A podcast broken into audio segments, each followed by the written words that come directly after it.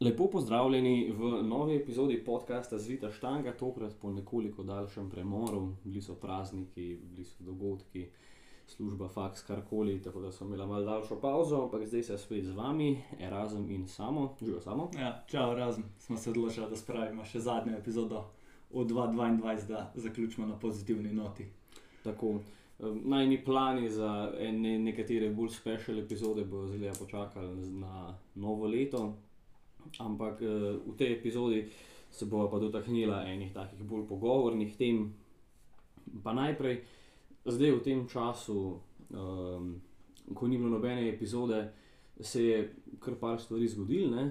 Uh, ena taka, uh, kar velika je, da ste upozeli, boste zdaj kmalo otvorili nov gim.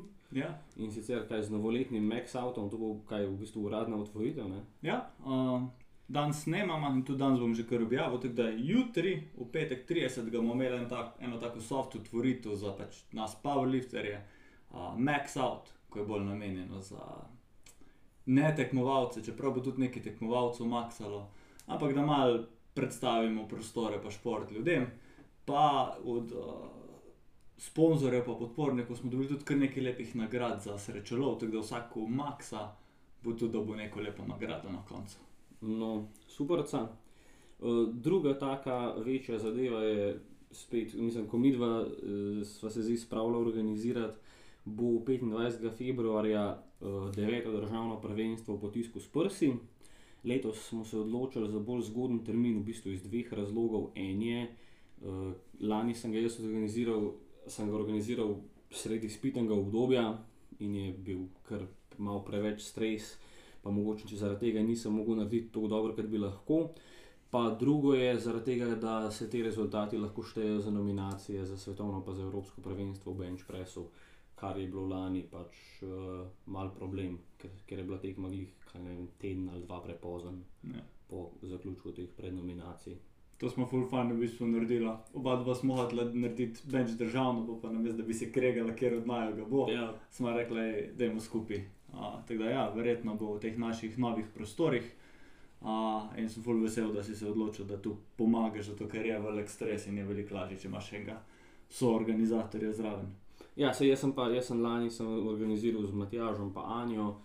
Um, letos sta pa rekla, da ne bi bila tako vključena, uh, pač ker imata polno drugih obveznosti. Matjaš je zdaj MMA fighter, um, Anja ima pa en kup drugih stvari. Tako da uh, gre v bistvu tudi meni ful na roko, da uh, zdaj s tabo organiziram. Uh, tretja stvar je bila pa tekma v KDU-ju. Mhm. Uh, ta zdaj druga novoletna tekma v KDU Olimpija. Letos uh, so jo prestavili iz, iz tega spodnjega gim prostora, kjer je bila lani, v neko, kaj je bila plesna dvorana, se mi zdi. A to zdaj, kjer je bilo? Ja. ja. Ja, ple, neka plesna dvorana in je bil v bistvu prostor full legit, full v redu. Um, da so bili lahko gledalci, sodniki, malo več prostora. Um, mogoče edina stvar, ki je bila, da, da je bila ogrevalna soba po stopnicah dol, tako da so lifterji mogli po štenkah gor hoditi na platformo. ja. Ampak- Ti, ti so pa lepo rešili z uh, tistimi stolčki tam, Mhm. kao wrapping room varianta, wrapping area, pa tudi mali tehnični kontrolor, uh, po, po razporedil ljudi pa je šlo kar lepo. Ja, meni se je zdelo, zdelo, da je bila tekma kar eh, lepo zorganizirana, opazno na višjem nivoju kot lani. Mhm. Um, Pa tudi, kar se tiče števila gledalcev, je bilo ono perfekt, rum je bil packed, ko se je navijalo, se je res čulo. Ker kdaj, če je kakšna taka manjša tekma v dvorani, spomnim, tako je bilo pri nas na Povzeli, ko je prostora za 2000 gledalcev in Ja. ja. tam 200 ljudi gleda, izpade malo te klejn, ko je en tu sedi, en tam, tam so bili pa vsi na kupu in je res bil dober vibe za une. a, Te težke dvige. Ja, isto pri nas na Benču je bilo tako, da smo imeli pač eno telovadnico, ko je prostora tudi za ne vem, 600-700 ljudi, po mojem, noter. Prišlo je pa gledati, ne vem, mogoče 50-100 ljudi. Ne, in, Ja. Um, Skratka, ja, je bila na kar dobrem nivoju. Um, jaz sem sodel do povdanski del, pa popoldne me ni bilo, ker sem šel. A, si bil popoldne? ja, sem bil. Um, kako so pa pol bili te, ta, ta boljše, mislim, ta močnejše skupine? Um, Je bilo kar v bistvu, vse ene par je bilo tudi res močnih tekmovalcev, recimo ta, kaj je že italijan, pozabil sem, ko je, ko je na Štajerski skoraj bombo, je bil. Um, ja, zmeri pozabim ta italijanski. No, Ravno je bilo ene par kar, kar močnih tekmovalcev, ene par močnih novincev, ki kažejo potencial. Uh, tam okoli kategorije do 120 kg se mi zdi, da je ene par takih, ko znajo do državnega prvenstva narediti kar lepe rezultate. Mhm. Tako da sem vesel, da se mogoče tudi te malo težje kategorije filajo. Uh, ne par veteranov je doseglo kar lepe rezultate, mislim, da so bile to. Uh, spet ne bom, nisem si nič pripravil, ne bom preveč poimensko govoril, pa točen rezultat, ampak mislim, da bi dva veterana tudi norme za Evropsko postavila, če bi ta tekma štela za to. To Uh, pa kar, ja, proper. um, državnih rekordov, mislim, da ne ve, nekaj malega. Mislim, da če je bil, je bil en ali pa dva mladinska, Mhm. ni bilo neki hudo, uh, hudih teh zadev, ampak kar se tiče drugače vzdušja, tekma je bila pa full fine. Pa recimo tudi po točkah je bilo prvih, recimo od osmega ali pa sedmega do tretjega ali pa drugega mesta, je bilo mislim, da komi deset točk ali nekaj takega razlike. Se pravi, da so bili v bistvu full, full uh, razmaki. Ne vem, jaz, en, ko ga jaz treniram, je bil, mislim, da skupno overall sedmi ali nekaj takega, tekmoval v kategoriji do 93. Če bi ta zadnji deadlift naredil, ko ga je failil, ko ga je na koncu ga je ravnotežje zmagalo, a, bi bil, mislim, da samo še točko do tretjega mesta overall ali nekaj takega. Se pravi, ful je bilo skupaj v resnici. Ja, A, pa kategorija 93 je bila stacked. Mislim, da večino teh, ki so bili pri vrhu, med prvih deset je bilo večinoma 93. Tako Da, kar se tega tiče, bilo zelo, zelo, zelo na visokem nivoju, pa mislim, da se to tudi um, zna na državnem prvenstvu, ker poznati pol pri tem, ko- kakšna bo tekmovalnost, kak bo napredek in tako naprej. Ja, se za rekorde mislim, da je Mohorič v 120 plus, ki je zdaj šel. Iz, lani je bil na, mislim, letos je bil na državni, je bil v 120, ja. Zdaj pa 120 plus, mislim, da je enih par rekordov naredil. možno, možno. M- Mislim, da v Benču. Ne vem, če je šel v čemu drugemu, ampak mislim, da v Benču, da ga je. Bi znal, ja. Um, njega sem jaz v bistvu štev še podtekal do 120, ker je tako imel 122 kg ali nekaj takega. Mislim, Ja. da, uh, tako da jaz njega v resnici štev, vsaj sklepam, da glede na njegovo trenutno telesno težo pa njegove a, rezultate, bo na državnem letos ful bolj konkurenčen, kot je bil pa lani v do 120 Ja, kategoriji. Ja. Zelo močen. Uh, mislim pač po mojem, da bo šel nazaj v 120, ker se jim pač te dve kile pred taki teži Ja. ni tako za izgubiti. Ne se tudi, ne se tudi tedaj v off-seasonu pač gre malo nad 120, ne recimo. ja, Pa- itak. Za tako tekmo se velikrat ne splača katati, če pač greš za svojo dušo, pa neke osebne PR-e. No ja, pa še kakšen rekord narediš v kakšni drugi kategoriji. Ja. Um, pol naslednja stvar, ki smo rekli, da se bo dotaknila, je uh, sojenje na evropskem, ki je zdaj sicer že kar mal eh, stara tema, se je že ogromno povedalo o njej, ampak uh, bilo je ogromno ene debate okrog parih tekmovalcev, ki so bombali. Jaz zdaj vem za Emila Krusteva, ali Krasteva, Mislim, da je Krastev. Ja. Ja, Bolgar, eh, drugač mislim, da v top 10 IPF, pač lifterjev sezone, pač po točkah. Um, ampak je zelo na evropskem bombov squat, če se ne motim, zaradi globine. Mhm. In je bilo potem ogromno, ogromno debate, ja, da to pa bi globina pa morala biti, pa da je bil main call in da pač v primeru menjega kola, da bi se mu morali dati belo, um, da, so, da so prestrogi, da zdaj ne vem, pol sem. Par dni nazaj sem na Instagramu videl še neke zelo, zelo hude debate o tem, kako, da bo zdaj Folk začel na veliko migrirati v druge federacije, ker ne bi bilo v IPF-u prestrogo sojenje, da bi hotel zdaj esto greš skvote in tako. Um, on je bil, po, po bilo pa še, kaj, je bil še en francos. Pana. To je pa, uh, Pana je ona- bombnil Aha. uh, na počepu tudi. uh, pa tudi zaradi globine. A, ja, globina in upright pozicija. On je imel v bistvu en kup, en kup stvari. Pana je na openerju, sploh ni dobil start komande. Oba dva Aha. stranska sodnika sta imela roke gor, če se ne motim. Uh, in baje zato, ker ni bil dovolj upright. Vse veš, pa ima on svoj stil, ko je ima ramena ful naprej pokrčena, ful Ja, ja, ja. francoski ultra low bar. Uh, in kao da ni bila v redu začetna pozicija. Pol je prišel na svoj drugi, je pač time out vse, je je rekel, probo še enkrat, ni dobil start komande in se je pač mm -hmm. time outu. Na drugem attemptu je to pozicijo popravil, meni se je zdela marginalno boljša. Tako, no, če bi side by side mi zdaj ti pokazal slike, pa rekel, kjer je njegov prvi attempt, kjer je drugi attempt, oziroma kateri je bil v redu in kateri ne, ti verjetno ne bi znal povedati. Um, pa to sem tudi recimo v živo gledal, ne samo iz kamere, ki ima Ja. še neko dodatno perspektivo zraven. Uh, ta attempt je recimo šel dol in ni sploh gor pršel. Tako da očitno nekaj je spremenil na poziciji, ker pač za opener on moči je mogel imeti. Um, zato, ker je tudi tretjega pol dvignil, ampak ni sploh gor prišel. Se pravi, mm -hmm. dobo štart komando, ni dvignil, nekaj je spremenil. Pol pride on na tretji attempt, spet ona ista starting pozicija, en sodnik mu ne, ne spusti sploh roke, stranski sodnik. Dva se strinjata, da je starting pozicija v redu, tako da ima dva mu start komando data. Tako da on v bistvu že od enega stranskega sodnika, že po defaultu dobi modro luč, ker ni imel v redu starting pozicije. Ja. Ampak glavni sodnik, če misli, da ima v redu pozicijo, pa če en stranski sodnik reče, da ima v redu pozicijo, on mu mora dati start Ja. komando. Ne moremo dati replace nazaj, samo zato, ker en stranski sodnik misli, da ni v redu. Pač v pravilih piše, če dva mislita, da je v redu, moraš ti start komando dobiti. In jo moraš dobiti v bistvu tudi čim prej, zato ker pač nočeš ti lifterja 10 sekund gor držati, ker je prvič Ja. nevarno, drugič utrudiš ga, ni, ni smiselno. Um, in je šel zelo, zelo na meji z globino. Meni osebno se ni zdela noter globina, tako kot si videl na Instagramu, full folka uh, ima različne mnenja, pa debate, je bilo to ok ali ne.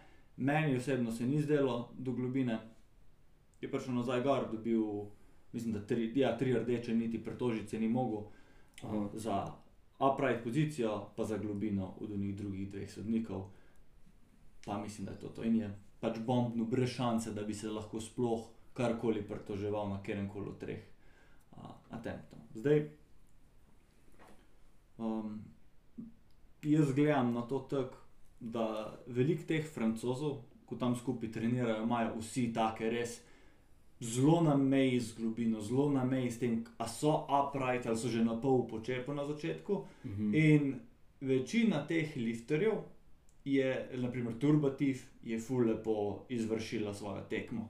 Uh, ta mm, Koko v 105 je tudi nenormalno, bolj globoko šel, uh, lepo upright pozicija, je tudi dobil bele luči.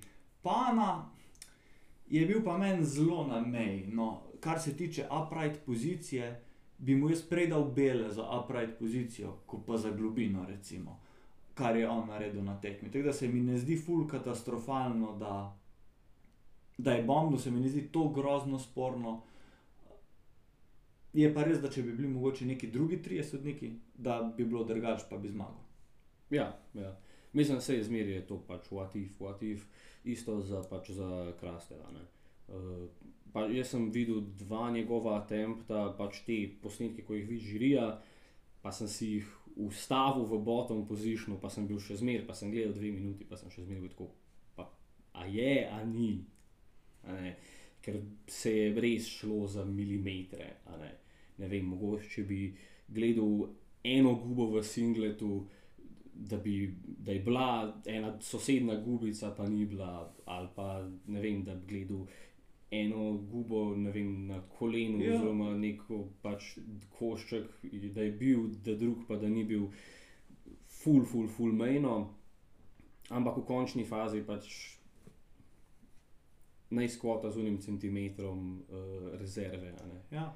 Je pa treba tu poudariti, niso samo njemu tako sodilo 105, vsi Ja. so imeli probleme, razlika je bila, da ostali, ali je bil Krastev 93.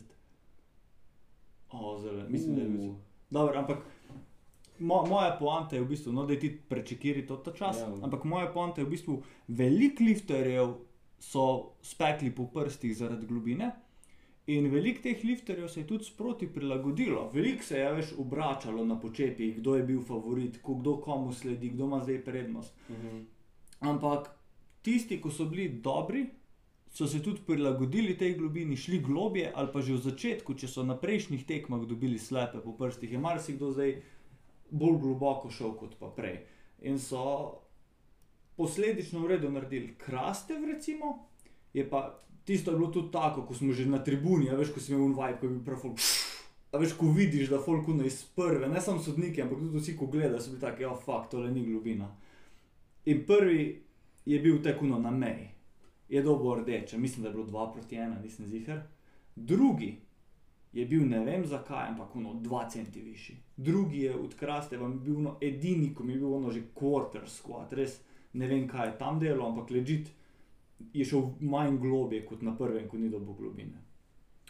Tretji mi je bil pa meni zgledal enako globoko kot prvi. Jaz se tukaj čist strinjam s sodniki, za mene to ni bila globina, ampak tako kot si ti rekel, že to, kje se sodniki gledajo vrh kolena, recimo gledaš a, tu ta kost kolena, a, ko imaš dve, v bistvu, ko ti stegnenica dol pride, pa ko ti golenica pride gor. A veš, imaš dve Ja. yeah. različni izboklini.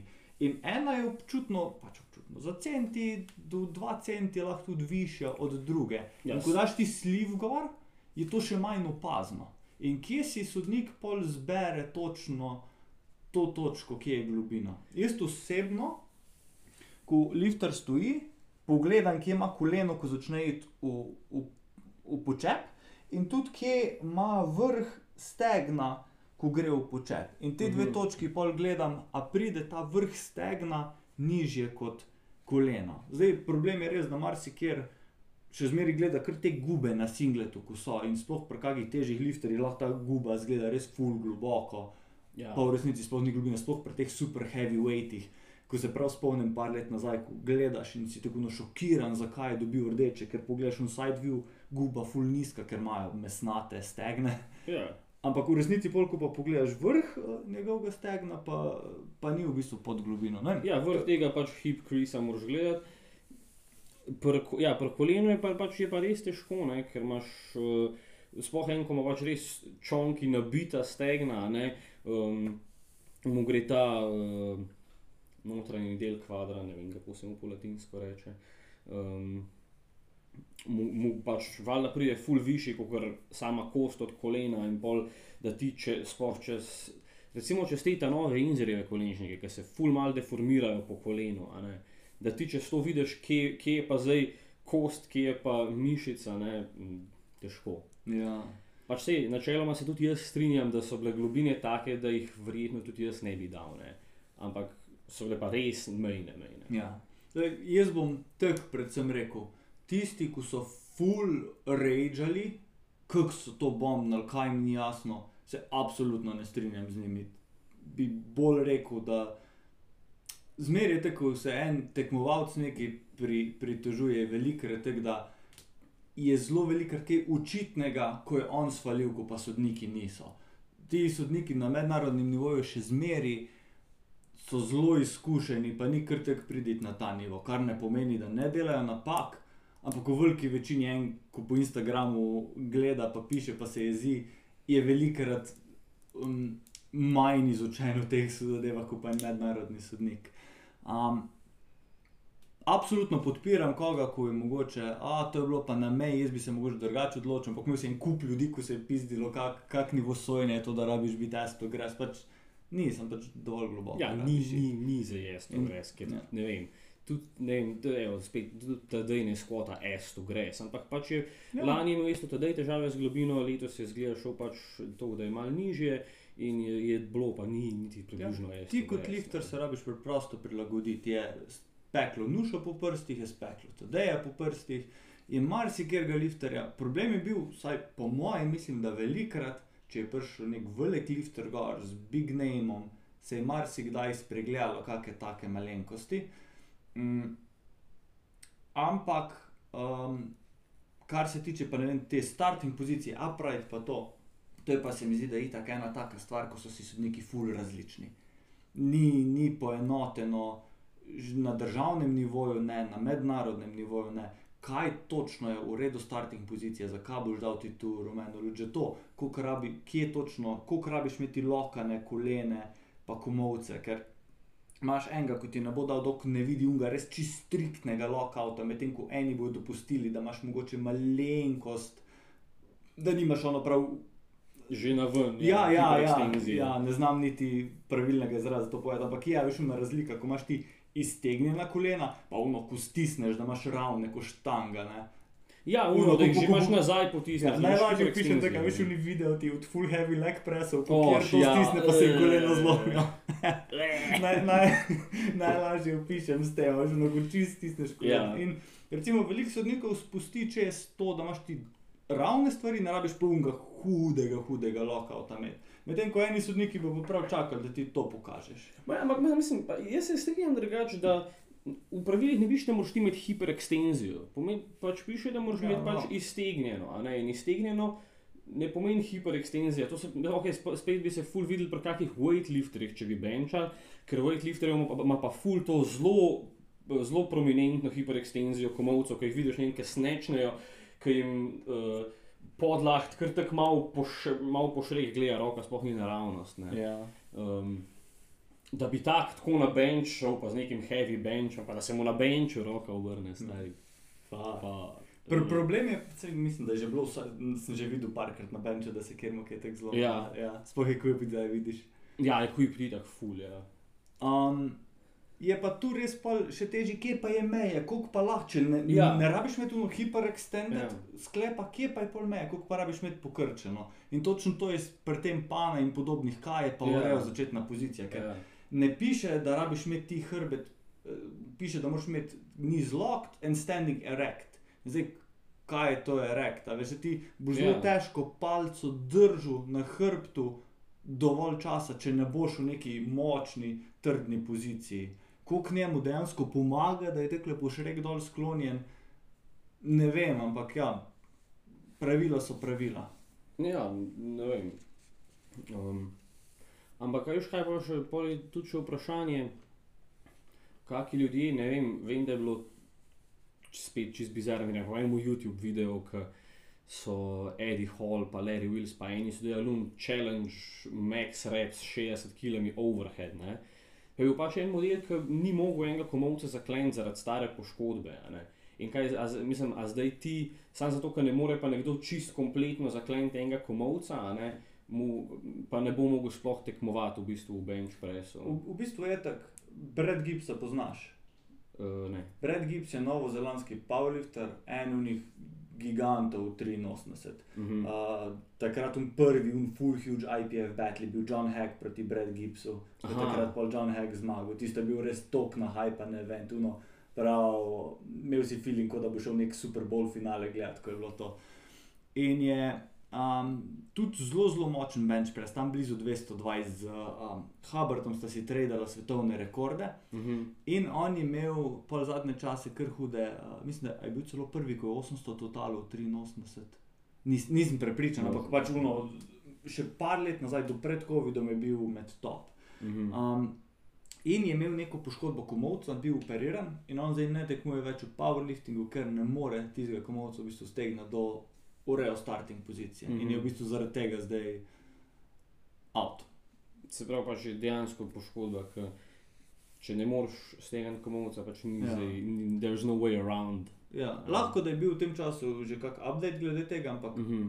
recimo pol leta ali pa malo več nazaj, ko sem bil na zadnjem njegovem Instagramu, imel en post, ko je točno o tem razlagal. Uh, teda, če ni bilo kakšne spremembe, on zdaj ne more tekmovati zaradi tega komovca. Ja, to se mi zdi, da bi lahko uvedel v pravilnik neke specifike. Ne vem, recimo, se tudi glede kolen, da se, se mogoče samo, da se da v pravilnik, da se pri liftih smiselno lahko sodnik preverja in upošteva uh, telesno zgradbo lifterja. Da če lifter pač, če je za lifterja neka pozicija maksimalna, ne, da, da se to lahko, mogoče vsaj na Ja. nacionalnem nivoju upoštevati, da ne more zdaj nekdo sam zahtevati, ker ne more enega komovca Ja. do konca stegniti. Sploh kakšni bolj veterani, recimo. Problem je, ja, da te, ta pravila, ne, zdaj pa ne vem, ali so to v IPF-u enkrat neki dodajali, ali so v USAPL-u ali kako je. Ampak ja, problem pri teh IPF pravilih je, da so napisane za mednarodne tekme v bistvu, kar na mednarodnih bi to pravilo absolutno bilo abuzano in bi bilo problem. Ampak če bi pa lahko imel za neke lokal tekme, recimo za regional level, taka pravila, točno zato, da lahko en veteran pride pa naredi tekmo, kljub temu, da, Ja. a, da, ne, da ne more neki čist po pravilih narediti, to pa jaz absolutno podpiram, ker pač nobenemu ne bi škodoval s tem, da, ajde, da bi ti na državnem prvenstvu tako si zagotovil vstopnico na mednarodno tekmo, absolutno ne bi bilo fair, ampak če pa pride, recimo zdaj na Olimpiji, da ne bi mogel ti neki, pa prideš pač zaradi duše na tekmo, se mi pa to zdi ok, čeprav, joj, da se ne spomnim zdaj. Jaz skoraj zagotovo imam v glavi, da so to v USAPL, ko so te MX kategorije pa to uvedli, za pač gender neutral, pa to, ko so dali, Aha. da so naredili tudi kategorijo, kjer ne moreš vse po pravilih narediti. Ne bom zdaj dal roke v ogenj na to, ker je že en cajt od tega, ampak mislim, da je bil celo USAPL, da ko si ti nekaj poškodovan, pa to, da lahko še zmeraj narediš, Mhm. -huh. si v svoji kategoriji, tako da ne tekmuješ z enim, ko moraš vse po pravilih, ampak mislim, da imajo jih oni neki na tak način. Ma ja, to make sense, zato ker ne vem, pa tudi recimo ne vem, kolena. Lahko ima nekdo sam pač čudno fizionomijo kolena in pač je za njega stegnjeno koleno nekaj, kar mogoče sodnik ne vidi kot stegnjeno koleno. Um, pa tehnično, po mojem, če bi zdaj gledal slovarsko definicijo, pa ne vem kaj, da bi se dal spraviti v neko tako pravniško razlago, da pač iztegnjen sklep pomeni pač, da je sklep v, na maksimalni točki obsega svojega giba. Ja. da bi No, na- v bistvu bi lahko. Bomo na pregledu opreme imeli še eno tako napravo, ker stegneš komovci in pol ti sila do 50 kg pritisne na sklep, ni to, da ga še ne zlomi, ampak da vidijo, kako se ti upogne in tako moraš pa imeti na tekmi.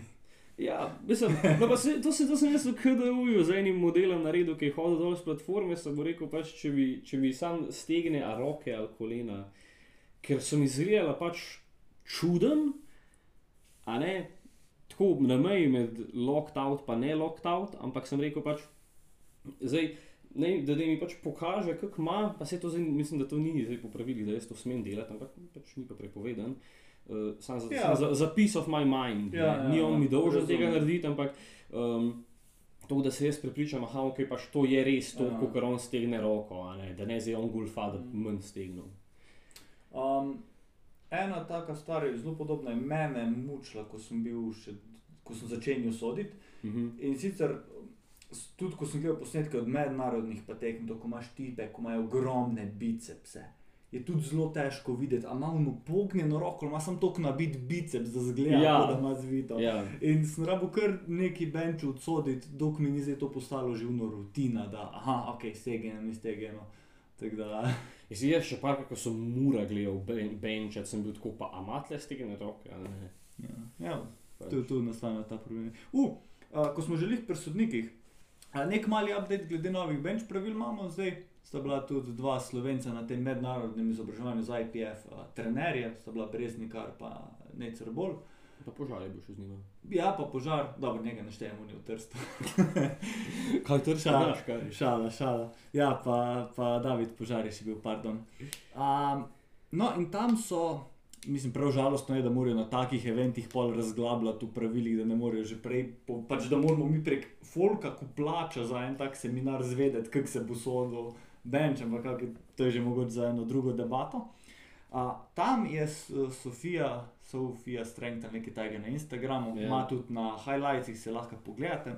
Zelo lepo ponazorila, kaj so rekli, da se bo gledali za eh, globino na bench pressu, pa za rit na bench pressu. Za globino smo jih mi dva najbolj debatirala, ki je tu vrh deltoida, ko ti ležiš, zgornji del, se pravi front delt, ali v bistvu tukaj, ko je trap noter. opet. Ja. In zdaj po pravilih je tu vrh, ne vrh deltoida, vrh ramena. pardon. Ja. Vrh ramena, ko si ti stojiš, se pravi, ko ležiš na klopci, efektivno tam, kjer imaš ti šiv na majici oziroma sredina Ja. tvojih ramen. Uh, za komovc se pa gleda spodnji del tvojega komovca in to Ja. rabi priti vsaj do sredine tvojih ramen. Ne rabi priti pod paralelo, tako kot na počepu, ampak vsaj do paralele. Ja. Um, druga stvar je, kar se tiče riti na benču. Ko s- Tiste je bilo pa najslabše razloženo na svetu, ko je bilo samo zadostna mera, mora biti, in pa je bila slika, kaj je v redu, pa slika, kaj ni v redu, in na sliki, kaj ni v redu, se sploh ni videlo, Ja. kako kriti je na benču. In oni so zdaj to razlagali, da mora vsaj spodnji in srednji del gluta biti na benču. Kar pomeni, da zgornji del gluta je lahko v luftu, še nek, fi, nek, neko pravilo so hoteli narediti, da bi celo cel, cel glut mogel biti, da bi efektivno mogel flatback uh, uh, dead, uh, benčati. Ampak so pol to uh, odstranili, pa je iz pravil, oziroma ni bilo sprejeto ravno zaradi tega, ker določeni fiziološko ne bi mogli te pozicije dobiti, ker imajo naravno ukrivljen spodnji hrbet. No, ja, pa sej, mislim, po mojem, sploh ne bi mogel, do- lahko to provam jaz jutri za foro sam narediti, ampak zdaj, če si predstavljam, po mojem, sploh ne morem imeti hkrati zgornjega pa spodnjega dela gluta imeti na benču. Ja. In, Da, veš, tudi če se zvijem, da imam flatback, bo v stiku samo zgornji pa srednji del, ne pa spodnji. To, to ne? točno tako. Uh, ker tudi, recimo, ene par lifterjev ima trenutno zelo majhen arč, ampak ima srednji del riti samo na klopci, ker imajo tako majhen arč, nimajo niti spodnjega dela riti na klopci, pa zgornjega tudi ne. Kar v bistvu pomeni, da po teh novih pravilih nimajo v redu štartne pozicije, ker nimajo, ne vem, bojo mogli noge bolj nazaj dati, malo bolj na arč, tako da bojo oni dejansko mogli večji arč dobiti, da bodo zdaj po novih pravilih uspešni. Ker če ti spodnji del zadnjice in zgornji del zadnjice gleda gor in je sam sredina zadnjice na klopi, to več ni v redu. Ja, to je meni glih, par dni nazaj mi je en pisal, ko je bil zdaj, mislim, da v- na KDU tekmi, se mi zdi. Um, mi je poslal ene posnetke iz strani svojega benča ne, in se vidi, ne, da je pač ok, arč, tle gre svetloba čez, pa je pa rit, pa gre pa svetloba v bistvu med srednjim delom riti. Pa hamstringom gre še malo svetlobe skozi, kar pomeni, da v bistvu spodnji del riti ni v stiku z benčom. In ne vem, je to ta, ta druga svetloba, ki jo bodo gledali sodniki, da tudi tam ne sme iti nič skozi. Ja, uh, mislim, da dejansko. Pač jaz sem mu pol, jaz sem mu rekel, da pač, um, kot sem jaz razumel zdaj ta, to, te razlage pravil, ko so jih posredovali iz tega Elejko seminarja, um, da pač to ne bi pesal. Da Ja. ja. bo moral pač noge nekako malo Ja. ja. drugače pozicionirati. Ne. Skratka, ja, nek majhen update, čez meri bomo rabili videti, kako se bo to v resnici sodlo. Ja. Tako da Že, uh, verjetno bo prve take tekme že v začetku januarja, mislim, da sicer ne nobena mednarodna. Ampak pri kakih lokalnih IPF tekmah bomo pa že videli, vsaj kako si lokalni sodniki to interpretirajo. In pa seveda pri nas 25. februarja. Ja, Um, prav bench pred ja. evo. Uh, Sofija Strength na Instagramu ima pod highlights, mislim, da bo tudi nek post naredila okoli tega, ampak uh, relativno nazorno prikazano, uh, kako je to. Sam kot zaključen komentar, IPF je rekel, da bo to upoštevalo, oziroma to vplivalo na manj kot 5% lifterjev, kar absolutno ni res, ker tam na seminarju je vplivalo na več kot polovico vseh, ki so bili tam. Torej, več kot pol lifterjev, ko je bilo tam na seminarju, ki ni imel nekih ekstremnih harčerjev, ni imelo v redu benča po teh novih pravilih, kar je velik bullshit, po mojem, ker ta arč je bil problem.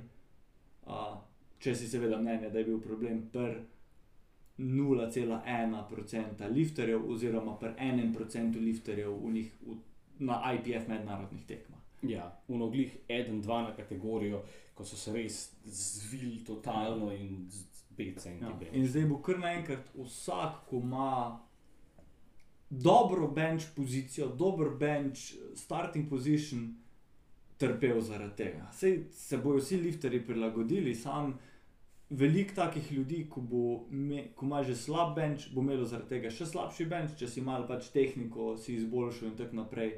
Um, pa se mi zdi, da bo zelo slabo uprit tistim, ki so slabi v deadliftu. Se pravi, deadlifteri, če čisto strateško gledaš powerlifting, so imeli že itak malo prednosti pred tistim, ki so dobri v subtotalu. In zdaj se mi zdi, da bo imel še večjo prednost pri tem. Ampak se, bojo, se bo folk prilagodil, po mojem, Eddie Berglunda, ko sem gledal zdaj na evropskem, Mhm. je že, se mi zdi, da malo spremenil svojo pozicijo. večji, veliko večji rom kot ga je. Pa imel, on je bil en od unih, a veš, prek 200 benčev, 74, pa čist mal Ja, ja. premaknil roke. Zdaj je imel že kar konkreten rom, ni še bil čisto globine, ampak mislim, da dela na tem, da bo Mhm. in je še zmeraj podaril rekord. Tako da jaz mislim, da neki hude razlike, ful hudo tiste, ko so res močni na benču, ne bo škodovalo, mogoče kakšne ženske. Ko so izkoriščale ta rom, tako to si ti špekuliral v prejšnjem podkastu, Ja. Pa bolj zdaj, ko razmišljam, jaz tudi mislim, da bo, da bo to vplivalo, ker določeni primeri so bili tam res tako ekstremni, da mislim, da, se, da bo veliko več šlo zdaj na moč, kot pa na sam tehniko in zna to pri ženskah bolj vplivati, se mi zdi, da kot pa pri. Ampak to je samo moja špekulacija, nobenih eh, Ja, ja. nekih faktov misliš, da bo to kaj premešal um, pri slovenskih lifterjih, mogoče rezultate na državnem prvenstvu? Da bi, da bi kdo, recimo, bolj opaznejši, kaj nižje padel zaradi tega, Ja. ali da ima kdo boljše šanse za Na, koga na pamet mi prvo pridejo, uh, kakšni band specialisti, kot so Anja. Ampak Anja, kot vidim po social medijih, že spreminja Ja, Anja, In je- Anja je- tudi ni važno, kako variacijo dela, je še zmeraj močna. Tako da jaz mislim, da bo ona še zmeraj top pri nas v Benču. Kljub uh, tem novim pravilom se je pač prilagodila in je to to. Um, mogoče, ja, se tudi recimo Tara, ko je, lih smo se tudi pogovarjali zaradi Arča in stika mm Mhm. -hmm. Riti, recimo se že tudi prilagaja temu. Ja, ja, ona sem- se je že sicer ni bila med najboljšimi pri nas v Benču, ampak se mi zdi, da je tudi, ko se prilagodiš, ne bo toliko razlike naredilo. Um, Ostalega se pa nobenega ne spomnim, kaj ga tega, ko bi full hudo um, mogel spremenjati. Pač verjetno bo veliko lifterjev, ko bo rabilo rahlo spremeniti pozicijo, mm Mhm. -hmm. ampak dvomim, da bo na koga to vplivalo, da bi mu šel pa ben za 10 kg dol. Recimo. No, bomo videli. Um, Um, Lahko da bo tako, pač v bistvu čisto psihološko. Okay. Um, Ja. da, da bo mogoče, veš, kdo kak lift failu, ko ga drugače ne bi čist zaradi uh, enega dvoma v glavi. Ne? Čist možno. Uh, ja, zdaj bo novo leto, kar pomeni, da bo full nekega novega folka v džimih, mogoče se komu izteče letna karta, pa bo šel v drug džim. In me zanima, a imaš ti, če priješ v nek džim, pa moraš nek powerlifting trening narediti, whatever, pa nima točno take specifične opreme, kot bi si ti želel. A imaš želel, a imaš kakšne take gym hacke, kako si uh, olajšati treninge. Zdaj, en hack, ki ga itak full folk uporablja, je, um, da na benče, če imaš, um, če so te konvencionalne, ne vem, uh, fitin ali pa kakšne take benči, ko se full ne prijemljajo, pa da ti mu po možnosti še kredi ne dovolijo uporabljati, uh, elastike okoli napneš, ali pa um, tele, ko si ti rekel. Um, Iz IKEA te protizdrsne podlage. Um, pol ena stvar, recimo, ki v full velikih konvencionalnih džimih nimajo, so deadlift jacki. In namesto deadlift jacka sem, ne vem, pred sajtom sem videl v enem YouTube videu, po moje, da ti sam daš pas, svoj powerlifting belt na tla. Uh, sorry, Taylor, I don't respect the belt. uh, daš svoj belt na tla in zarolaš ta zadnjo utež od deadlifta gor, zaradi tega, da so ostale pol v bistvu dvignjene in jih lahko sam dol pobereš, uno ta zadnjo bo že nekako, pa, pa sam prevrneš štango na drugo stran, pa jo ven vzameš iz ostalih, ne, Ja, da jih lahko pol sam stal pobereš. Um, to je dober hack. ja, ta Na je kar- podoben način lahko tudi na mesto pasa lahko uporabiš kako mikroplato, 1,25, pa na to gor zarolaš. Ja, tudi recimo. Ali pa veliko ljudi smejo, da se je tudi kar ali iz lesa naredilo tako wedge, ali pa da si ga tudi 3D sprintaš. A veš, tako taka rampica, pa z malo udrtino, da si tja gor Ja, ja. zarolaš. A, tudi to nekateri uporabljajo, tako da imaš full nekih a, takih stvari, ampak pas je nekaj tega, ko ima vsak sabo. Ja. In tudi jaz sem že parkrat ta hack uporabil in it works. Pač ja, res nekaj v velikih teh uh, uh, navadnih džimih, komercial, nimaš deadlift jackov. ne. Um, Ja. Ali pa imaš ne vem, enega za deset ljudi, ki tam deadlifta. Ena stvar, ki bi jo rad um, rekel folku, če ste v džimih, ki imajo različne sete uteži, sploh različne sete kalibriranih uteži, prosim, ne jih mešati. Jaz zdaj treniram v Alfi, kaj dva meseca, tri mesece, dva meseca, ja, s 1. novembrom sem začel. Jaz pridem in so na umu uh, stojalo za kalibrirane plate, naložene, tako recimo desetke, imamo jih par, jih imamo od roga, pa par od Eluirja. Eluir rog, Eluir rog, Eluir rog. Meni se, men se strga. Najboljša mi je bila ura slika, zadnjič, ko sem jo videl, ko je bilo tako šest parov 25 in za njimi pa en par 20, tako da če si hotel do 20, O, pridi, ja. si lahko vse one par 25 dal vzeti prvo. Pač ne vem, res ne zahteva veliko razmišljanja, ki on rečeš, da sam pač daš iste uteži, vsaj pač po parih skrb. Se ne pravim, da ne more biti najprej vse rogove zložene in pol vse uh, eluirjeve, ampak sam tak. Pa, pa da folk ne uporablja dobrih štang. Dobro štango prepoznate tudi oni, ko nimate pojma o firmah, pa nič.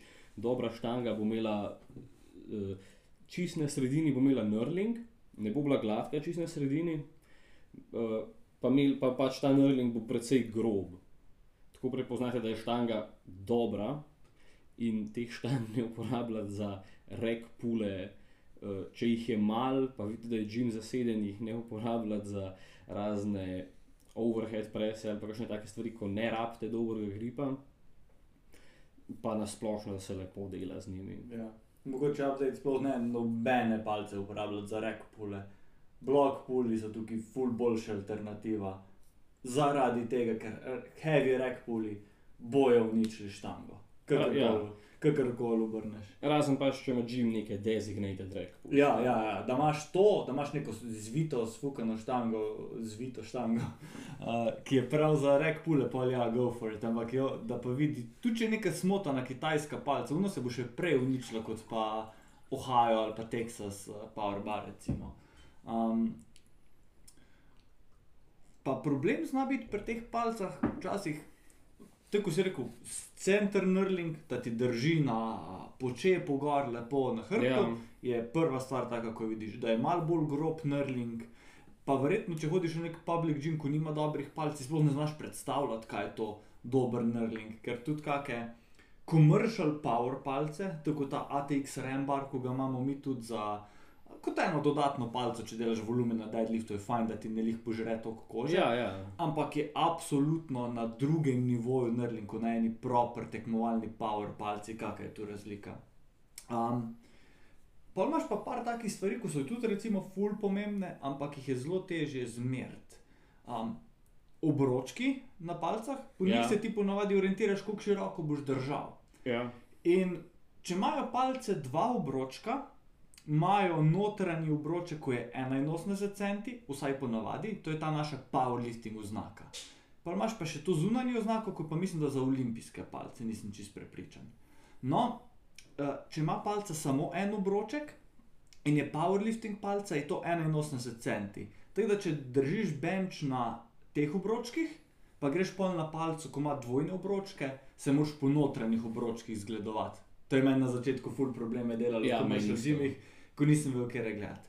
Ampak moraš pa svet paziti, določene šiti palce nimajo enojnih obročkov na 81 cm, ampak imajo širše. To je recimo ta Kingsbox powerlifting palca, m- ima nima 81 cm, ampak ima unita široke. Tako da kot si benču, ali mislim, da je to vse enkrat skvato na njej. Pa drži, pa mu ne gre v glavo, kaj je drugač, pa jaz začnem malo gledati in si pridem gor, da obročki na powerlifting palci niso po powerlifting standardu. Ja, narejeni. to je meni isto, lih, po mojem, da prejšnji teden delam jaz v Alfi benčam in vzamem eno štango, ki še nikoli prej nisem uporabljal, primem unrekam bench, pač tako, kot ponavadi naštimam sredince na obročke in se mi zdi full širok. In sem šel bolj primerjati z rogovo in so bili spet obročki, ne pač ne 3 cm, 4 cm Ja. bolj na ven. Me čist zjeval. Ja. In kar je poanta, na tekmi boš imel obročke na 81 cm. Ja, Tako da, en hek, če sploh nimaš palce, ko ima 81 cm, pa ne moreš drugače trenirati, si preprosto v, v enkrat gym ne smeter, pa daš gor uh, ta medical tape, nek tak tape, ko je grob, ja. pa se prelepi, ga daš na njih 81 cm in s tem označiš. In fun fact, v IPF pravilih tudi piše, da če nima palca na tekmi, ker apparently je lahko palca IPF approved, pa nima na 81 cm obročkov. to je pač v pravilih, lahko s tem tejpom označiš, ki je 81 centi. Um, Je mogoče, ker še ne palce že tako zjagana, veš, da nrlinga sploh ni. V glavnem, ja, uh, si lahko to označiš. Uh, druga stvar je pa obseg palce, Ja. oziroma premjer, fi, kakorkoli že. Ful vpliva na to, koliko toga je palca. Mhm. Uh, ker recimo Texas Powerbar je za mene fenomenalna palca, ful mi ima prijeten nrling, všeč mi je na njej delati. Ampak tekmovalne IPF palce imajo zdaj kar standard, da so 29 mm. Je v pravilih lahko tudi ožje kot to, ampak vse realno tekmovalne palce, ko so IPF approved, so 29 mm.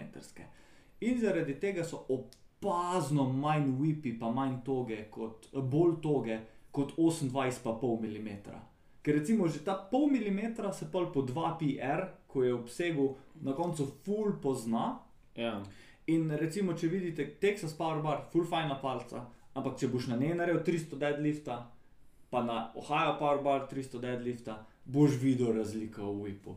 Tako da to je tudi ena taka stvar, ko je pa v bistvu zelo težko zmeriš v džimu, pač pogledaš malo, kera palca je, ampak če se pripravljaš na tekmo, je fajn, da delaš na 29 mm palci zaradi whipa in na počepih in na uh, deadliftu. Pa tudi na benču se malenkost pozna pri gripu. Meni je 29 mm bolj udobna v rokah, ker je pač malo bolj masivna za primt. ja, jaz sem s Texas štango delal zelo malo, ampak um, no, una, ki smo imeli pri Matjažu, je bila še malenkost zvita, ker jo je Matjaž pa še enkrat zvil pri nečemu. Pa se je dal pol zravnati, ampak pač, tak ne moreš čist perfektno nazaj zravnati. Um, me je tudi enkrat prebenčil, full zjebal. Ker jaz sem rekel, ampak pa je bil občutek, da bi imel, ne vem, po stran roke ali nekaj. Ampak ja, načeloma delam s temi roga ali pa kot če je. Ja, ta Texas Bar Bar ima full pač sweet spot v mojem srcu, ko sem jo kupil, ko sem si delal home gym. Še prednost je lahko dobil Rogue, uh, Ohio Power Bar v Evropo, Mhm. ali celo še v Ameriki ni bil releasen, to ne vem. Ampak takrat no, na vseh forumih powerlifting, ko si bral, si, oh, Texas Power Bar, Texas Power Bar. In sem bil tako, fa, to bi jaz tudi imel. In ni tako, si jih lahko samo iz Amerike uvozil, in par firm jih je uvozilo iz Amerike, nisem elu- pri Eluirju sem takrat vse kupoval.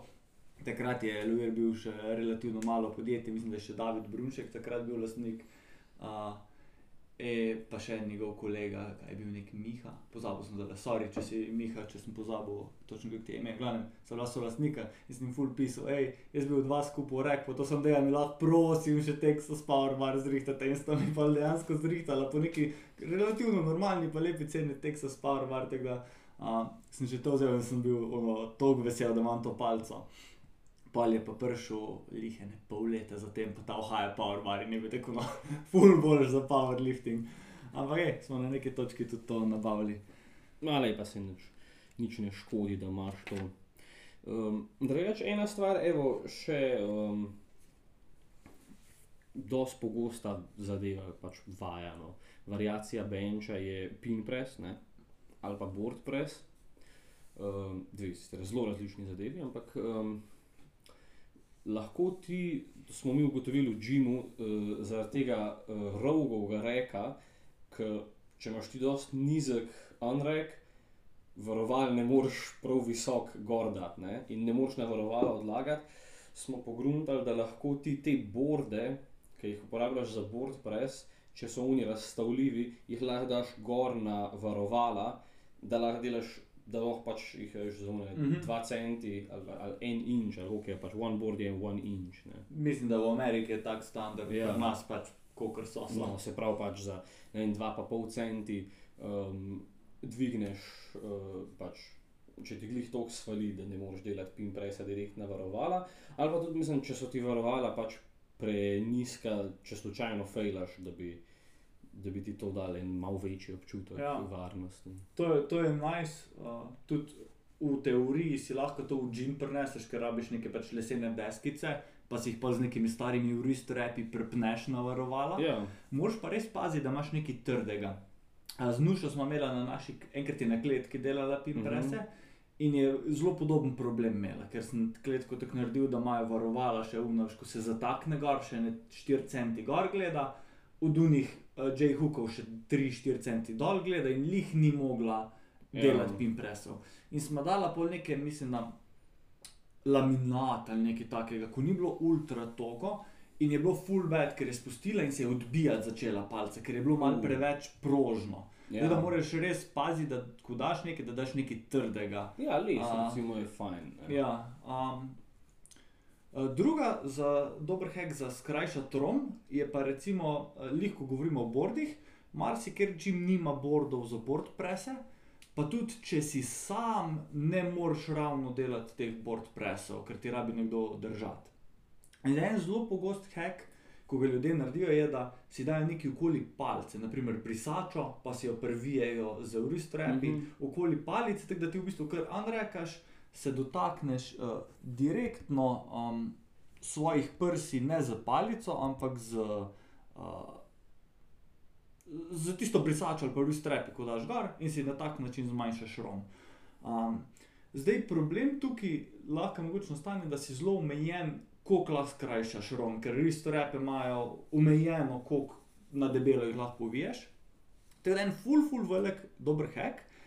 Uh, iz dekatlona te yoga bloksi, ko so, ko je v bistvu iz neke pene blok in lahko z njimi simuliraš en produkt, obstaja na marketu, ko se reče bench blocks, ko je v bistvu iz takega materiala ven izrezane udrtine na različne globine in lahko imaš one board, uh, half board, two board, pa three board, mislim, da. In si Aha. tisto peno obrneš na željeno stran in se kar skoči gor, v bistvu ti jo porineš gor na palco, ker je luknja narejena v obliki palce, mal stisneš, se not zatakne in tisto obstoji v bistvu na palci. Sej, če, če pogooglaš, um, ali pa tudi če kak poslušalec pogoogla, pač yoga blok, je v bistvu to, to ali pa bench blocks, Ja, mislim, da, videli. ali tako da Navid s tem trenira. Možno, Mislim, da možno. Navi, da vidim včasih na Instagramu, da, uh, da ima te uh, neko tak, pač tak blok, ko se na, na štango Ja, ja, ja, zatakne. no, točno s tem to, točno to. In jaz sem recimo to za sebe naredil, uh, sem kupil iz Decathlona ta yoga blocks, pa pa najboljše, če imaš kakšno urodje prav za peno rezati, mislim, da so te neke žareče nitke, ampak tudi z nožem gre. Ja. pa izrežeš približno luknjo, pa daš na nrling od palce, zatem moraš pač palco res lepo spucati, ampak kar drgneš sem in tja in Ja. ti palca sama v bistvu naredi perfektno luknjo za to. In sem si točno zmeril, so jaz sem si naredil one board, two board, pa three board, oziroma one, one and a half board, pa three board. In če delaš z board press, je full fine, ker tudi če imaš samo enega budija, boš ponovadi rabil nek unrack, ko delaš nek uh, superloading ali pa pač partial rom, ponovadi delaš težje. In je fajn, da ti je en unreka, pol bi pa rabo še enega, da ti board drži. Na tem načinu imaš ti board že gor, Ja. prpopa na palco Ja. in ne vem, 4 evre materijala rabiš samo dati, pa lepo gre v gym bag. Um, Še en hack, uh, sploh za tiste, ko, ima, ko ste v kakih manj komercialnih džimih, ko jih je bolj škoda, ne? Če, da, da, da, jih, da se kaj pač unič. Um, za ti bar rowe, te nastavki. Mhm. Dost džimov jih nim, nima tega nastavka za rek, da bi štango noter zaslidal, bi lahko delal nek T-bar row ali pa landmine row ali pa kaj takega. Uh, full uporaben hack, kupiš teniško žogco, 2 evra te pride, pa tak križ zarežeš noter in jo natakneš na en del štange in, da, in tisto pol sam najdeš nek vogal v džimu, da zatakneš Mhm. tisto noter v vogal in bo teniška žogca preprečila, da bi se kaj pač eh, zjeval. ja. Um, ti pa lahko pač delaš vsaj približno v redu nek, nek T-bar ali pa le Ja, en row. zelo easy, zelo easy DIY hack. Ja. Jaz sem na podoben način, dolgo ga nismo imeli, uh Mhm. -huh. uh, sem eno brisačo staro okolovil. Aha, Jaz sem imel to, isto en kot in um, mi je ful pomagalo, recimo takrat, ko me je hrbet še malo bolj matro, da sem delal te landmine skvate, Mhm. uh, je bilo ful fajn, pa tudi kakšne te rowe je bila ful dobra variacija. Um, Jaz recimo, jaz ful rad delam uh, one arm landmine row, da primeš štango na tem debelem delu, ker ti full grip ubije. Mhm. In je full free nice. fat grips. Ja, Evo basically. še en life Ja, hack, evo, še en life hack. Če nimate fat gripsov, pač lahko uh, po istem principu naštimate ne vem, ali dve štangi, pa jih primete um, na teh te debelih delih, pa delate šrage ali kaj takega. ne. Ja, ja. Um, Ja, uno, za benci že sicer povedal, da lahko daš gumice okrog. Meni to, ta hek ni toliko všeč, je boljš kot drseča klopca, Ja. absolutno, ampak sam na določenem mestu prime in ful spremeni feeling, ker gumice so ponovadi debele. Uh, Mislim, uničuje rahlo bench, ampak če delaš na šiti benču, je to itak pol sekundarnega pomena, se Ja. yeah. sekiraš za njega. Um, tukaj so A7 bar grip majice top shit, ampak Ja. yeah. je majica 35 ali 40 evrov, ali koliko je in ne vem, ti benčeš štirikrat na teden, kao štiri tiste majice, no ali pa boš smrdljivi majici benču.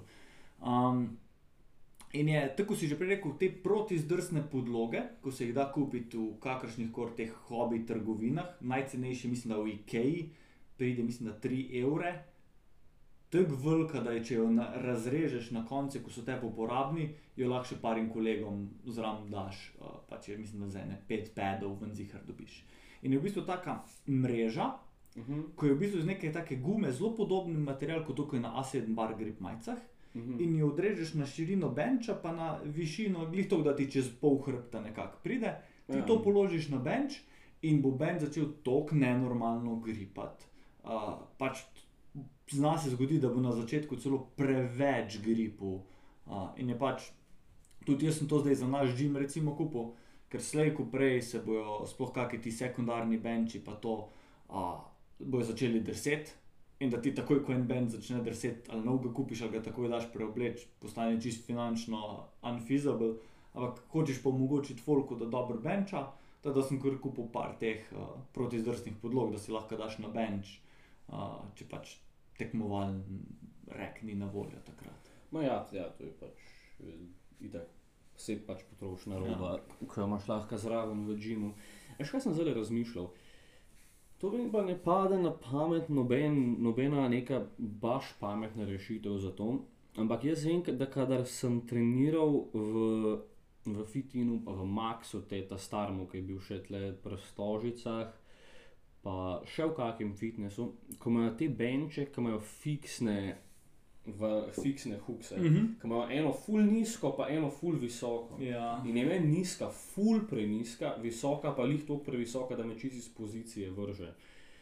Pa zdaj grunda vam pač, če obstaja kak hek za to, da bi to rešil, sam ne vem. Po mojem bi lahko, uh, si pač ni easy life hack, bi ga vsak naredil, ampak po mojem bi lahko zvaril. A veš, kakšni so unikal nastavki za dumbbelle, unrekat, ko Ja, si daš ja. na palcu. Nekaj podobnega, da obesiš na zgornje huke in pol palco obesiš tja gor. Ja, In je v bistvu tako un monolift attachment, malo potegneš ven, dvigneš, uno se nazaj zasujinga, ti odbenčeš in daš nazaj na to. ja to bi. Če se zlomi, imaš še zmeraj spodnje huke, ko ti ujamejo. Ne, ne vem, koliko je to feasible, to je bila prva stvar, ko mi je Pač ja, ok, pamet. ja, malo streč, da moraš švasati, pa to, ampak ja, ni, ni, ni neumno. Ej, ampak to bi lahko, um, ne vem, tak produkt bi po mojem za 50 evrov lahko ven dal, pa da bi en strength shop to prodajal, bi se zagotovo najdel nek market, ko bi to kupil. Moral Tako ti samo- mini deadlift jack, ko ful Ja, kupi, pa ja. sabo nosi v commercial gym. Ne, veš kaj, edin, ne bi smel prodajati tega džimom. To je bil slab poslovni model. Ja, ja. Mogli bi prepovedati, da džimi to kupujejo, da bi lahko sam ljudje Ja, ja, tako. ker- A veš, da en džim to kupi, reš, za- reš za 100 ljudi, Zdaj če mora pa 100 predstavljam- ljudi posebej Zdaj kupiti. si predstavljam enega shady tipa v plaču, ko, plašču, ko stoji pred fitinom, pa ko hodijo mulci noter, hej, mali, kaj benčeš, rabiš, rabiš, da ti kaj pomaga. Mislim, mali, da mu bo steroide prodal, mu pa proda benč huke dodatne.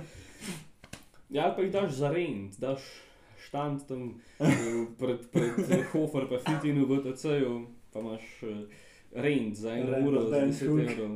Ja. Uh, Dober poslovni model. Um, A misliš, da bi se dal, da bi um, pa mogoče samo neko, kaj jaz vem, ali neko peno, neko blazino ali neki, um, mogoče z elastiko ali pa s štrikom, sam nekako zafiksiral na bench, da bi lihune par centi višji bilo, da bi lahko ja. ja. rekel. eno, ja, mogo- eno desko leseno, pa lahko Ja. ja. blazinjeno, da daš gor. To, ali pa mogoče, da bi 3D sprintu povišico za huka, ne vem, koliko kil bi to zdržalo, pa koliko bi bil dolgi lifespan. Ampak veš, da za par centov 3D sprintaš plastiko, kot ti ne vem, za 4 centi dvigne palec bolj gor. Ja, A, ne vem, ne. Mogoče, mogoče bo kdo to poslušal, pa bo šel razvideti dejansko kako idejo, ampak k- vsaj marginalno bi se zidal zboljšati. Čeprav Ja. mene tam ponavadi bolj moti, tudi če mi eni spodnjih hukov anreka, me bolj to moti, da se bolj pa že vzgor ne zaletim. noter. ja, ja glih to A, Ker so tako skupaj, da spodnjih si lahko nekdo, ki je res majhen, vzame. Če si ti normalen, pa ti rabi en anrek, ki si vzgorne rukne, zgornji so pa glih to, da ali close gripaš je v redu, ali pa si pač rame ven vržeš. In, Ja. Zdaj, edini še tak sistem bi bil.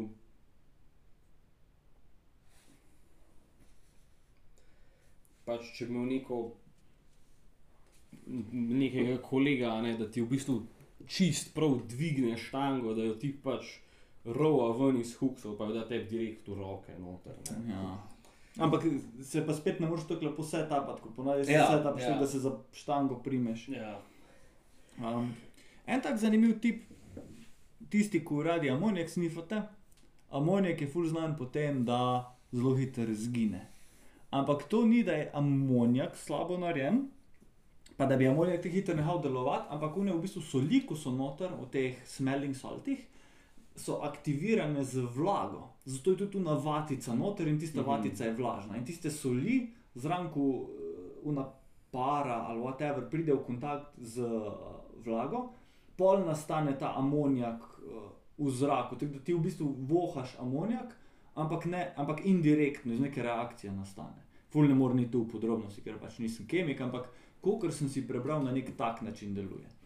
In ti lahko full extendaš lifespan temu amonijaku, če preprosto uno vatico nazaj namočiš. Ponovadi je razlog, zakaj amonijak rata weak ali pa celo ga ni več, ker ni več tam not vlage. Kljub mm -hmm. temu, da ti to nazaj zapreš, nikoli ni popoln sil in uh, počasi se izsuši in tudi do reakcije ne more več primiti. Prideti. Če pa daš ti novo vatico noter mokro ali pa uno nazaj namočiš, boš pa lahko konkretno iz extendu lifespan, oziroma kako dolgo je tisti amonijak uporaben, pa kako dolgo te bo še šusno. Mhm. Jaz zdaj, če amonijaka ne uporabljam, jaz sem si ga enkrat si ga kupil, uh, pa se spomnim, da sem ga itak nisem prebral navodil za uporabo in sem ga pred eno serijo deadlifta, sem bil že cel pač zmatran. Uh, jaz suno prav od bliz, prav na orang potegnem. In sem kar med deadlifti, in sem se mi kar oči malo za, tako zasolzile, da sploh nisem videl, da sem bil kar, da sem kar slep deadliftov. Uh, ja, Nuša, Nuša je na prvem evropskem svojem uh, failala evropski uh, rekord attemptu po čepu zaradi tega. Une amonijak snifala, jaz sem jih udaril po hrbtu, takrat smo se še full hypala pa to. Mhm. Jaz sem jih takrat udaril po hrbtu, ne amonijak skočil na polno v faco, ona cela objokana vršila na platformo, ko je to amonijak stopil in ni mogla dvignati dviga, pač na moči je failala. Pol prije pa tretji attempt gor, veliko bolj pametno za Moniko, mislim, da ga je še zmeraj posnifala, samo da je nisem jih takrat udaril, prišla pa je dvignila, sicer je bil itak grinder, ampak um, ga je dvignila, šlo gor, tako da se zgodi, da ti amonijak lahko škoduje. Ja, ne, itek, da ti lahko, pa tudi, tudi hype ti lahko škoduje. Veš, ne vem, sploh jaz recimo vem, da za bench na tekmi, da me kdo hypa, bo samo kontraproduktivno. Ja, enako, se moram bolj fokusirati na tehniko Ja. in Ja. je lažje, če sem miren. Jaz sem tako, sem pridem, kje se uležem na bench, zelo sproščeno, kot da grem počivati. Bolj se počasi, veš, mentalno začnem pripravljati. Imam tudi full dog setup. Jaz mislim, da sem lani na državnem skoraj, skor, da, mi- da mi je skoraj cajt zmanjkalo, tako dve sekundi, da ste mi ostali, Wow. ker sem se tako cajt setupov za bench. Imam še en zadnji mini hack, ko ga po mojem v večini, veliki večini primerov odsvetujem, ampak to sem videl nizozemce na Evropskem prvenstvu delati. Sicer mm. -hmm. eni džimi imajo platforme, ko nenormalno drsijo. Ni važno, kaj narediš, to je ponavadi un lakiran laminat ali pa kaj. Poliješ si malo Coca-Cola po tleh ali pa po čevljih. In pač ne da je moker, ampak tisti cuker v teh sladkih pijačih bo začel gripati nenormalno. To sem videl, to je sicer na tekmah ilegalno. Videl sem nizozemce, tako sem bil tehnični kontroler in so tudi nizozemci tam delali, pa sem bil tako, hej, pač ne smete to delati. Pa Sem bil tako, "O, so to kako novo pravilo, ne, pač ne smeš si stiki stafa delati na, na šuhe. In um, če si pač v nekem, recimo, da si hipotetičen primer, si na potovanju v nekem najbolj komercial gymu, rabiš narediti deadlifte, delaš sumo, platforma je samo ena, una, ko je lakirana, lesena. Dej, mislim, mogoče malo monster, malo Coca-Cola skrivaj na čevlje in ti bo vsaj za tiste par serij veliko bolj gripal. Ampak s tem res delaš sranje v gymu, tudi za tvoje čevlje ni jih fajn, ampak je pa uno v nekem taj, situaciji ti lahko reši en deadlift session. Ja, mogoče malo manj agresiven, kot monster, ampak kako da bi bil sok. a Ne, ki je še zmeraj, a veš, še zmeraj ta cukor, da bo stiki, ni pa unih agresivnih kemikalij, toliko, kot jih je v Coca-Coli, da bi zdaj kar, veš, ki Ja. jo razžrejo. Pa. Možno, možno. Mislim, da je Katja razlagala, da so si enkrat, nek, da so si enkrat sok na čevlje dajali, a celo na neki tekmi, nisem zihar. Ja, možno. Mogoče hm, sas. Imaš eh, ti kako temo, ko bi jo rad delal? Gremo na avtro. Uh, mislim, da je čas za avto, se je že uro, pa sedem Okej. minut. Za avtor imam eno, meni, ful zanimivo temo pripravljeno, ko jim probo čim hitreje obdelati, ker dvomim, da bo komu tako zanimivo, kot je meni. Ampak jaz imam ful rad kavo. In en um, YouTuber, James Hoffman, ko ga followam, je naredil par tednov nazaj en ful dober video o kafeinu. Že prej je imel en ful dober video o kafeinu nasploh, kakšni so njegovi efekti, uno, tretje, ampak ne samo za enega casual coffee drinkerja, ampak tudi če te zanima za performance, pa to je zelo fajn opisal, pač čisto zelo scientifically based. In kaj njega ful motlo je, da po njegovem mnenju študije o kafeinu, uh, sploh v tem, koliko kafeina je v kavi, niso kvalitetno narejene, ne zaradi tega, kako so merili, ampak zaradi tega, kako je bila kava narejena. Uh, glede na to, kaj je unbravne študije, je močno dvomil v validnost teh rezultatov zaradi načina priprave kave. In si je tip za par jurjev šel kupiti uh, tester kafeina in naredil cel video, verjetno bo še kak dodaten video na to temo prišel, s tem, ko pač se pojavijo nova vprašanja, kaj bi bilo smiselno testirati. Ampak tip je šel testirati, koliko kafeina je v kavi. Ker močno, zelo splošno znano je bilo, da različni načini priprave kave, različne vrste kave imajo ful različno količino kafeina. In je tip ugotovil, da recimo na pour-over način kave, uh, 250 ml, lahko ima tudi tok kafeina noter kot pol litra monsterja. Pravi, da če ti spiješ eno pour-over kavo, se pravi filter kavo, properly narejeno, properly ekstraktano, 250 ml lahko ima 180 mg kafeina tudi. Verjetno še več, ampak sicer pri nas pač ta pour-over ne pijemo tok. Espresso ima malenkost manj, um, ampak še zmeraj zna full varirati. Mene je presenetilo, da ima po mojem kava več kafeina, kot sem si pa mislil. Vem, da so neke eh, cifre, pa to bile 40 do 60 mg na kap, kar je absolutno premalo. Zna biti pa to točno, če gledaš toliko mg za instant kavo.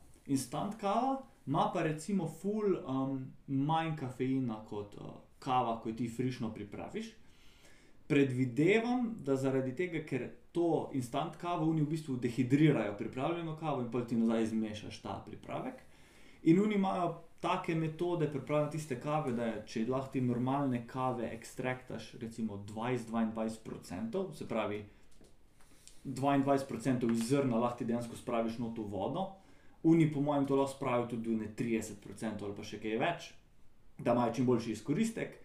In pol to ti razrečiš za več vode, da prideš na neko navadno moč, in je posledično manj kafeina. not. Tako je on sklepal v tem videu. Tako da, če imaš kakega kolega, ko full te instant kave pije, pa si misliš, o ti si norko kafeina, ti spiješ v enem dnevu, verjetno ga ne spije to, kar si, ko si ti misliš, ima dejansko te neke 40 mg do 60 na, na kap.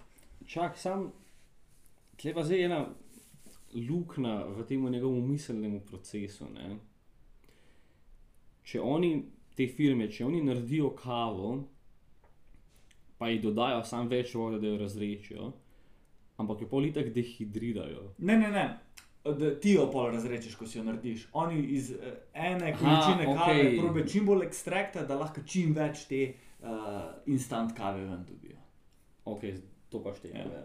Uh, in kava je tudi od rofli dveh vrst, imaš indiko pa robusto, pa arabiko, ne indiko, to je nekaj drugega.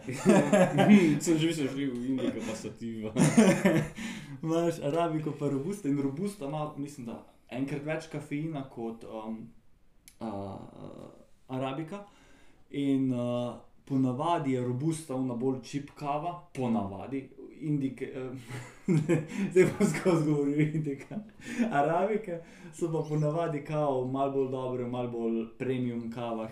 Tako da se zna zgoditi, da če imaš ti neko čip kavo, ima ful več kafeina kot neka premium kava. Um, pa temno pražena kava ima ponavadi več kafeina uh, kot uh, bolj rahlo pražena kava. Um, spet točne podrobnosti bom zihar kaj zamešal, zakaj govorim, ampak nekako rafli, glede na to, lahko vidiš, koliko kafeina ima kaj. Je pa en tak, če grem malo bolj na neke konkretne cifre, ko je mogoče nek zaključen takeaway za vsakega, ko to posluša. Šel je pol tip tudi za en YouTube short posnet po različnih čejnih, koliko ka, koliko kafeina je v double espresso shotu. Double espresso shot je dober, dobra merca, ker je to baza za te razne lateje, kapučino, te amerikanote. Um, teda, če spiješ samo en espresso, je verjetno skoraj za pol manj, ampak double espresso je neka normalna doza. In v čejnih je bila ta cifra med 85 mg pa 175 mg.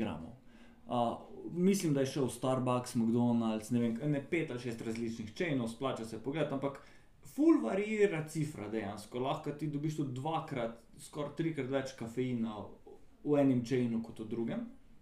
Uh, in kot vidiš, double shot, pa 175 mg kafeina, to je full. Um, pol imaš, pa je šel pa testirati še pet specialty shopov, tam je bilo pa malo bolj konsistentno, je bilo pa med 110 in 135 mg kafeina. Mm -hmm. Tako da zdaj, če pijete kavo, si lahko s tem mogoče vsaj malo bolj pomagate, koliko kafeina približno bi znalo biti v količini kave, ko jo pijete. Jaz osebno bi full rad videl, pri nas je zelo turška kava popularna, mogoče koliko je v kapu turške kave, kafeina, a se full naredi razlika napram poroverja, ker je drugačen način priprave, filter kava ali pa turška, pa espresso je tudi spet drug način priprave kot pa. Ja, jaz meni se o kavi niti ne sanja, ki je hudo. Vse, kar sem videl, zdaj včasih na YouTube šorcih mi vrže ven, kakšne te, um, ko full fancy delajo neke, neke te espresso šote, ki jih se neki, nekimi metalcami premešajo, pa pol z nekimi težmi, pa, pa ne vem kaj, in se samo no, boh, porabiš 20 minut, zato da si narediš kavo, petih minutah. Ostali, to, to je hobi, ko nima lukne. No. To Ne, porabiš. Tri ure za ta hobi tekle, da si doma kavo narediš. Kaj Ja. še lepo ti spolk Ja. upade v to, da si sam praži kavo doma. Ne, se to imam enega kolega, imam, no, ki vsake toliko časa najde en hobi ne, um, in se ful vrže van. In pa ne vem, viski, pa pivo, pa kava. Ne, in v kavo padel takoj vem, za 600 evrov neko kafetiero kupu, um, pa prej sploh kave ni pil. Za 600 evrov neko kafetiero kupu, pa ne vem, kakšne mašine, pa vse, pa deset različnih sort kave, pa doma zdaj neke eksperimente delal, pa neke fancy posebne šalce kupu, pač smešen. Meni, mislim, meni je smešen, jaz osebno kave ne pijem. Um, če že pijem kofein, pijem Monster ali pa Red Bull, nokota, full redko, zato ker me ponavadi iz enega razloga full zjebe. Uni nokoti 180 mg kofeina mene komplet zjebejo, še par dni imam boj, un prav full visok pritisk pa to. Uh, kar mi je čudno, ker če spijem pa le dva, tri monsterje lahko, pa je to pol 350. A 450, če je 150, to je ne. Uh, a je 150 monsterje? 180, mislim. Da. No, če 180. Um, Monstre lahko 2-3 spijem v enem dnevu, pa ok, zdaj sem, se bom čutil, da sem na kofeinu, pa da se mi malo blede, ampak bom naslednji dan v redu. Si videl unga tipa na YouTubu, ko je Galen uh, Monster Exo. Oh, fuck! Jaz sem se še zmeraj precej prepričan, da je fake, zato ker je bilo pokatano vmes, pač ni bil en mm. -hmm. video neprekinjen. ampak tip je 1,2 grama kafeina ali nekaj tajega je prišlo noter, 10 ali nek, ne vem koliko pločevink Oh, fuck. in je to kao pol z Exo. In Pa dva dni predtem pa je dal video gor Red Bull. Meni je to slučajno predlagal, sem dal gor, ker nisem mogel verjeti, da je res, ker to je že pač taka doza skoraj, da če naenkrat da za bolnico, pač to je odvisno, Ja. kako toleranco imaš, to je fukena doza že v bistvu, da ti to naenkrat, pa tak drobčken tip. Jaz si zmeraj mislim, da je fake, da je pol pač dal not neko vodo, pa, ko, pa food coloring ali pa nekaj, ampak bilo je zanimivo za pogled. Ja, jaz sem, ko sem si šel enkrat kupovati te kofeinske tablete, sem mislil, da mi bo to pa full sedel pred treningom, da me bo full ne vem kaj naredil, pa mi pol nočni. Ampak um, sem šel pač malo researchat, kako je z jemanjem, sam pač purely kofeina. In sem pa šel malo down the rabbit hole in sem videl en primer, ki je en, en najstnik, nek fitnesser, si ne vem koliko. 5 ali 6 gramov kofeina, uh, kofeina v šejk dal in ga spil, je pač ti bil v eni uri mrtev. A ne veš, to je bilo na Hrvaškem skoraj. A je- En tip je na tekmi imel kofein v prahu, misli pa, pa če ni prišel do njega, če se prav spomnim te zgodbice. To je bilo 4-5 let nazaj, za kreatin kao in je vzel 3 grame kofeina z unomerco za kreatin. O, ne. In je mogel v bolnico na pumpanje, pa to tudi blizu tega, da bi umrl. Oh, fuck. Ja, ja. Oh, shit. Je pa se to bilo. Realno, jaz mislim, da bi lahko v takem primeru, da bi se temu, pač, da bi on rekel resne dolgoročne posledice, bi ti lahko imel tožbo proti proizvajalcu, da, pač, da, so pak, da bi morale biti pakunge za kofein malo bolj distinktivno označene, kot so za, Mislim, za, vem, za uh, kreatin, pa proteine, pa to, Ja. ker so. Veš, vse imajo neke besede, ki zvenijo ful podobno, ti če na hitro pogledaš. Kreatin, kofein. kreatin, ja. Sej mislim, da ta kofein v prahu je bolj kot ne sam še temu namenjen, če si ti svoj privorkal doma mešaš. Jaz osebno jemljem čisti kafein v tabletah, ker pač tablete ne moreš zajebati, samo bolj kot ne samo na tekmah, ker mi gazirano ne paše tok. Da vzamem dve tablete, poplaknem z izotoniko vodo, monster mi preveč težek, težko sedi na želodec in na tak način probam dobiti kafein Mhm. na tekmi. Jaz imam, jaz imam ti 200 mg tablete od MyProteina, jaz jih uporabljam pa večinoma samo za učenje. Če sem, ne vem, v nuku od 10 zjutraj do 10 zvečer, ne vem, eno vzamem od 10 do povdne, pa eno polo, pa ne 5 popovdne. Ja. Pa zdržiš dejansko tako dolgo se učiti. Mislim, vse vmes imam pauzo za kosil, pa malo na sprehod, pa tako, ampak ja, načeloma. Mislim, da je uno, ki je uno, ta hard izpitno, sem bil včasih tudi že ne vem, ob 9 zjutraj tam, pa pol do zelo pozno zvečer, da sem se učil. Okay. No. Ja, uh, hvala, da si bil moj sovoditelj v tem letu. Uh, upam, da, Veselje. da ti je bilo kul, cool, pa da bo tudi drugo leto tako uspešno naprej. Hvala poslušalcem, da so nas letos uh, tako lepo pa zvesto poslušali. Uh, upam, da ste se kdaj nasmejali, mogoče tudi kaj zanimivega naučili. Um, Imaš še ti kaj za shout-out, preden končamo letošnjo sezono? Shout out moram to, da sem eno uro pa pol prej, sva snemala ta podcast na Instagramu, dosegel 1000 followerjev. Jej. Um,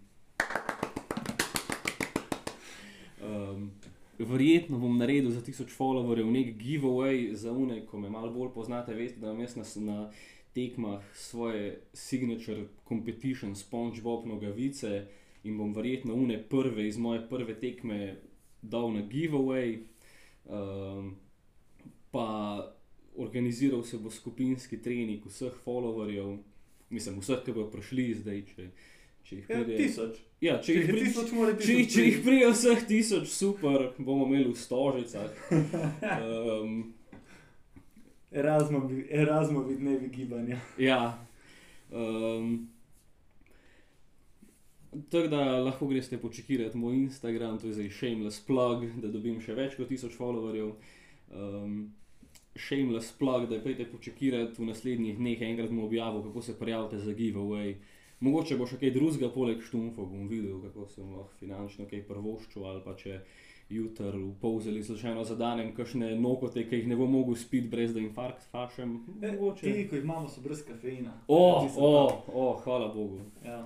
No, te so mi pa full dobri, teh sem spil pa enih šest na, na KDV tekmi. Um, ja, ja. Moj shameless plug je pa, da zdaj, tako ste že slišali prej, naš klub odpira gym. Tako da, če boste v teh koncih, pridite na en obisk, naredite trening, nam bo ful pomagal, pa ful pomenil. Če ste tukaj blizu doma, smo locirani zelo blizu avtoceste. Če uh, potujete, če ste dijak, pa to pa potujete z vlakom, smo manj kot 10 minut peš od železniške postaje, tako da super lokacija. Uh, zelo v redu, bom rekel, kar vrhunski pogoj za trening powerliftinga, trudimo se tudi za druge stvari, čim boljše odprem. Da uh, nam bo ful pomeni, če prijete na kak trening, prvi trening bo itek zastojen, pa da vidite, če je to plat za vas, trudimo se narediti vzdo- vzdušje in okolje za treninge. Plago bom še naš Good Enough Merch, še zmeraj je nekaj kosov ostalo, bi radi odprodali to zalogo. Zdaj na tem eventu jutri bomo verjetno nekaj malega giveawaya na tem Max Auto, nekaj malega bomo probali še prodati. Tako da, če hočeš podpreti naš klub, pa nočeš, oziroma ne moreš k nam v čim hoditi, lahko kupiš še kak uh, kos Good Enough Mercha, vse gre, to gre v upremljanje džima, da v bistvu probamo čim boljš narediti za uh, powerlifterje v tej reki. Tako da, uh, z moje strani je to to. Z moje tudi, Ok, ostanite močni. ostanite močni.